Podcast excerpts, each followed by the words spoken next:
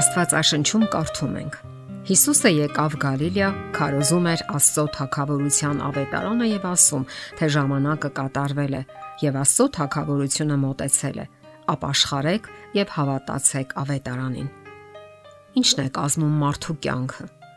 Ամենօրյա գործերի ձանձրալի ու միապաղաղ շրջապտույտը։ Տարապելով ու հոգնելով մարդը խորասուզվում է անուրջների աշխարը, լուծվում ամբողջի մեջ կամ տրվում զվարճությունների Շատ մարդիկ էլ վիշտը թաղում են ալկոհոլի կամ թմրանյութերի մեջ։ Ինչ եք կարծում։ Չկա ելք այս անհուսալի իրավիճակից։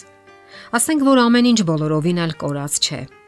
Հիսուսը բարի լուր է բերել մարդկությանը։ Նա ինքը բարի լուրն է։ Նա աշխարհ եկավ եւ քարոզեց Աստծո թակավորության մասին։ Եվ ոչ միայն բացատրում էր, թե ինչ է Աստծո թակավորությունը, այլ իր կյանքում մարմնավորում էր այդ թակավորության սկզբունքները։ Եվ երբ փարիսեցիները պահանջեցին ասել, թե երբ կգա Աստծո թակավորությունը, նա հայտարարեց. այդ թակավորությունն արդեն եկել է։ Նա ձեզ մոտ է, ձեր մեջ, ձեր ներսում։ Ես եմ նրա թակավորը եւ եկել եմ, որ հայտնեմ ձեզ այդ մասին։ Եվ մարդիկ ուրախանում էին։ Այսօր էլ այդ լուրը ցնծությամբ է լցնում մարդկանց սիրտը մարդիկ ապրում են հավատով։ Սակայն պատահում է, որ նրանք հուսահատ պահեր են ապրում։ Ահա թե ինչու այսօր մենք հուսալի հավատ ենք որոնում, ձգտում աճեցնել մեր հավատը։ Այդ ձգտումը եղել է բոլոր դարերի մարդկանց հոգու ամենանվիրական անկյունում։ Նշանավոր գրող Բալզակը իր ստեղծագործություններից մեկում հերոսներից մեկի մասին այսպես է արտահայտվում. Նրա համար հարստությունը ոչ ուժ էր, ոչ էլ մխիթարանք։ Նա կարող էր ապրել միայն սիրով, կրոնով եւ ապագայի հավատով։ Սերը նրան բացատրում էր հավիտենականությունը։ Նրա սիրտն ու ավետարանը նրա համար երկու ըղձալի աշխարհներ էին։ Սակայն կարևոր է, որ Հիսուսը հրճակում էր ոչ միայն փառքի թակավորության լուրը, որ մի օր կգա, այլ շնորհքի թակավորության լուրը, որը ճիշտ փոխհարաբերությունների պետք է տանի մարդկանց։ Իսկ Աստծո երկնային թակավորությունը ընտանիք է։ Ընտանիքի անդամ դառնում են կամ ծննդյան իրավունքով կամ օրինական ворթեգրման միջոցով։ Որպիսի դառնանք Աստծո թակավորության անդամներ, մենք պետք է այսպես կոչված ծնվենք վերստին եւ ворթեգրություն ստանանք։ Սա միշտ այդպես է եղել եւ այդպես էլ կմնա։ Սա Աստվածաշնչի մեծ ճշմարտություններից մեկն է։ Իսկ ընդհանրապես Հիսուսը սովորեցնում էր ճշմարտությունները մատչելի ձևով, օգտագործելով պատմություններ կամ առակներ։ Իր առակներով նա պատկերում է մեծ ճշմարտություններ, որոնք անսովոր նշանակություն էին ձեռք բերում եւ մարդկանց հոգեվոր ուժ ապարգևում։ Շատ դեպքերում Հիսուսի խոսքերը հակասում էին այդ ժամանակների կրոնական հայացքներին եւ ոչ միայն հակասում էին, այլև լուրջ ընդդիմություն առաջացնում։ Այդ պատմությունները կարող էր հասկանալ յուրաքանչյուր մարդ։ Ահա թե ինչու էին բոլորը հաճույքով նրա կողքին եւ վայելում նրա իսկական աստվածային ներկայությունը։ Այդպես էր նա հետաքրքրություն առաջացնում թե ծերերի, թե երիտասարդների, թե կրթվածների, թե անգետների մեջ։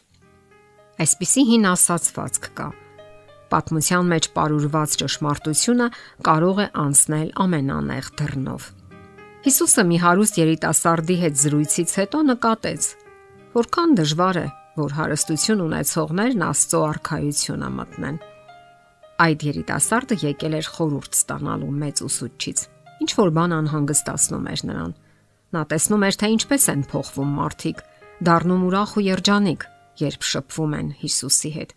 Այդ պատճառով էլ նա այսպիսի անկեղծ հարց տվեց. Բարի վարդապետ, ինչ բարի գործ անեմ, որ հավիտենական կյանքն ունենամ։ Երիտասարդն ամենից առաջ հասկացավ, որ ինքը չի կարող ոչինչ անել, որ հավերժական կյանք մտնի։ Այն չի կարելի գնել կամ վաստակել, որովհետև հավերժական կյանքը ապարքև է։ Մենք չենք մտնում Աստծո թակավորություն մեր գործերով կամ մեր արժանինքներով Դա հնարավոր չէ ձեռք բերել մարդկային ջանքերով կամ էլ նյութական ձեռքբերումներով։ Այս աշխարհում է, որ դրամներով կամ ծանոթություններով կարելի է շատ դռներ բացել, սակայն այդպես մենք չենք կարող բացել Աստծո թակավորության դռները։ Ավելին, դրանք հաճախ անգամ խանգարում են այնտեղ մտնելուն,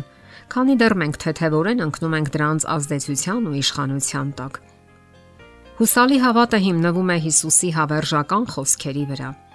Այդ խոսքերը մեզ առաջնորդում են դեպի մեկ այլ կյանք՝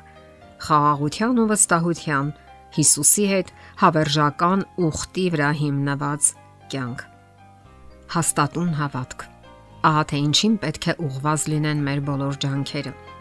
Որպիսի մեր հավատը աճի, արմատներ տա ու խորանա, որպիսի չհուսահատվենք ու չհիասթափվենք, որpիսի մեր կյանքը դուրս գա ձանձրույթի ու միապաղաղության ճահճից։ Իսկ երբ մեր հավատը սկսի սասանվել, ավելի մեծ վստահությամբ պետք է քայլենք առաջ, ամրացնելով հավատի հենասյուները։